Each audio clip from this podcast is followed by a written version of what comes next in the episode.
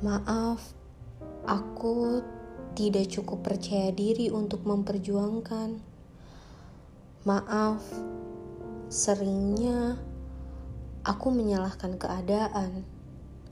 Maaf, aku pernah menyerah. Halo Dir, Prambors Podcaster bareng aku Ulfa Nurjana. Sebelumnya, udah banyak banget cerita yang aku bacain di podcast Dear Forgive Me. Cerita tentang permintaan maaf seseorang atas kesalahannya di masa lalu. Kenapa sih gak minta maaf langsung aja? Hmm, terkadang meminta maaf itu sulit dilakukan loh. Ya, karena banyak banget alasannya. Seperti contoh, kamu baru sadar gitu atas kesalahan kamu dan ingin meminta maaf pada seseorang yang udah kamu sakitin, PHP-in, atau tiba-tiba kamu tinggalin. Sedangkan posisinya saat ini, kamu sudah ada di hubungan yang baik dan bahagia. Begitu pula dia. Gak mungkin dong kamu tiba-tiba menghubungi dia dan meminta maaf. Walau itu cuman sekedar kirim pesan singkat, tapi tetap aja kan kamu harus menjaga perasaan pasangan kamu. Dan begitu pun pasangan dia sekarang. Awas loh, mengingat kesalahan di masa lalu seringnya diiringi pula dengan kenangan-kenangan yang lainnya. Padahal itu sudah seharusnya tidak diungkit lagi awalnya niat baik mau minta maaf, malah menimbulkan masalah yang baru, bukan? Jadi, mending kamu cerita sama aku aja. Ungkapin rasa bersalah kamu lewat cerita, dan nanti cerita kamu itu aku bacain di podcast Dear Forgive Me.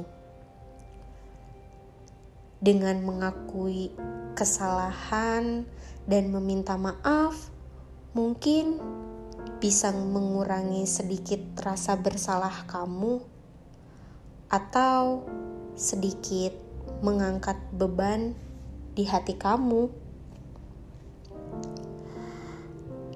Kalaupun kamu mau cerita langsung sama aku, boleh kok. Nanti aku telepon kamu ya. Kabarin aja kalau mau cerita. Selain itu, kamu juga bisa dengar cerita-cerita permintaan maaf orang lain.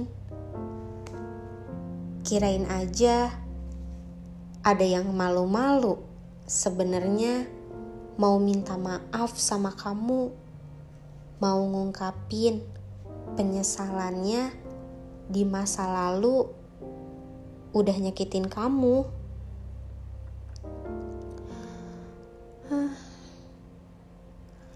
Kali ini aku pribadi juga mau minta maaf di permintaan maaf yang sulit sekali aku sampaikan, yaitu aku minta maaf terhadap waktuku yang sudah terbuang. Maaf, aku tidak cukup percaya diri untuk memperjuangkan. Maaf, seringnya aku menyalahkan keadaan. Maaf, aku pernah menyerah. Ingat banget dulu, aku sangat memperjuangkan keinginan aku, mencari wadah untuk mengembangkan sesuatu yang aku rasa ini loh bakat aku. Ikut kompetisi sampai pergi keluar kota sendiri. Ikut casting sampai diomelin gara-gara pulang larut malam. Walau akhirnya aku gagal dan gagal lagi, tapi itu gak pernah menurunkan semangat juang aku untuk terus mencoba. Karena saat itu yang tertanam di pikiran aku dan aku sangat percaya bahwa kegagalan merupakan kunci kesuksesan.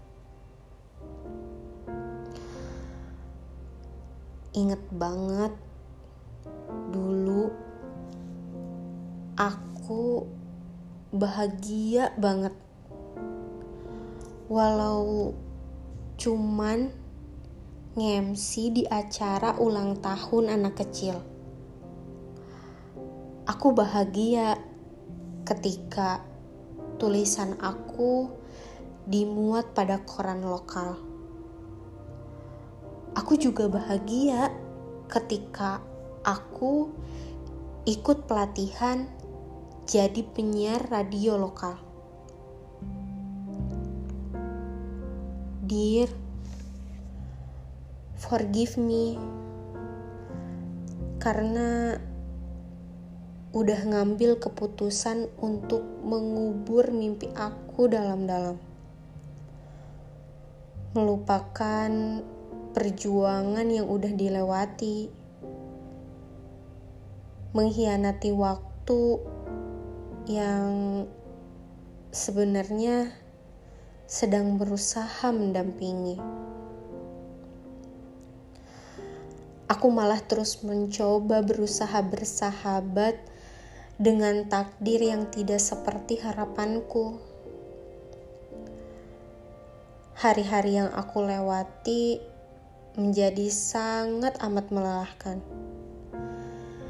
Menjadikan aku ingin berhenti, namun terlalu banyak alasan yang berteriak, "Tidak bisa."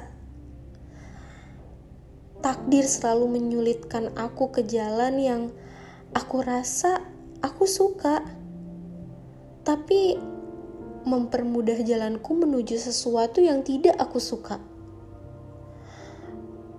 Katanya, kadang yang kamu benci itu terbaik untuk kamu, tapi setiap hari yang aku lewati penuh dengan lelah.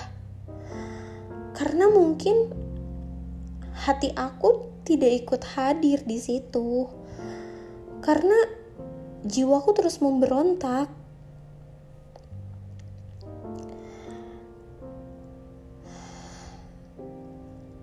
Setelah bertahun-tahun terjebak menjadi orang lain, setelah bertahun-tahun mencoba akrab dengan takdir dan hanya berjalan mengikuti arus air.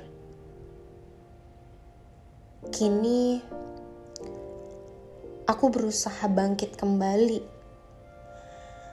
mencoba hal-hal yang dulu sempat aku lupakan dan tinggalkan. Dir, waktuku yang sudah terbuang. Maaf ya, kemarin aku salah sekarang aku mau coba lagi. Aku mau berjuang lagi. Aku mau melawan ketakutan aku. berpikir positif bahwa takdir bukan tidak ingin menunjukkan jalan, tapi mungkin ia sedang menunggu waktu yang tepat untuk aku.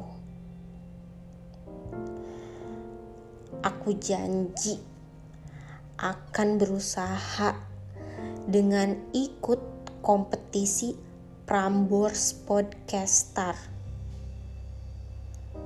Kirain aja kali ini semesta berpihak sama aku. Kirain aja kali ini takdir bilang bahwa ini loh waktu yang tepat buat aku.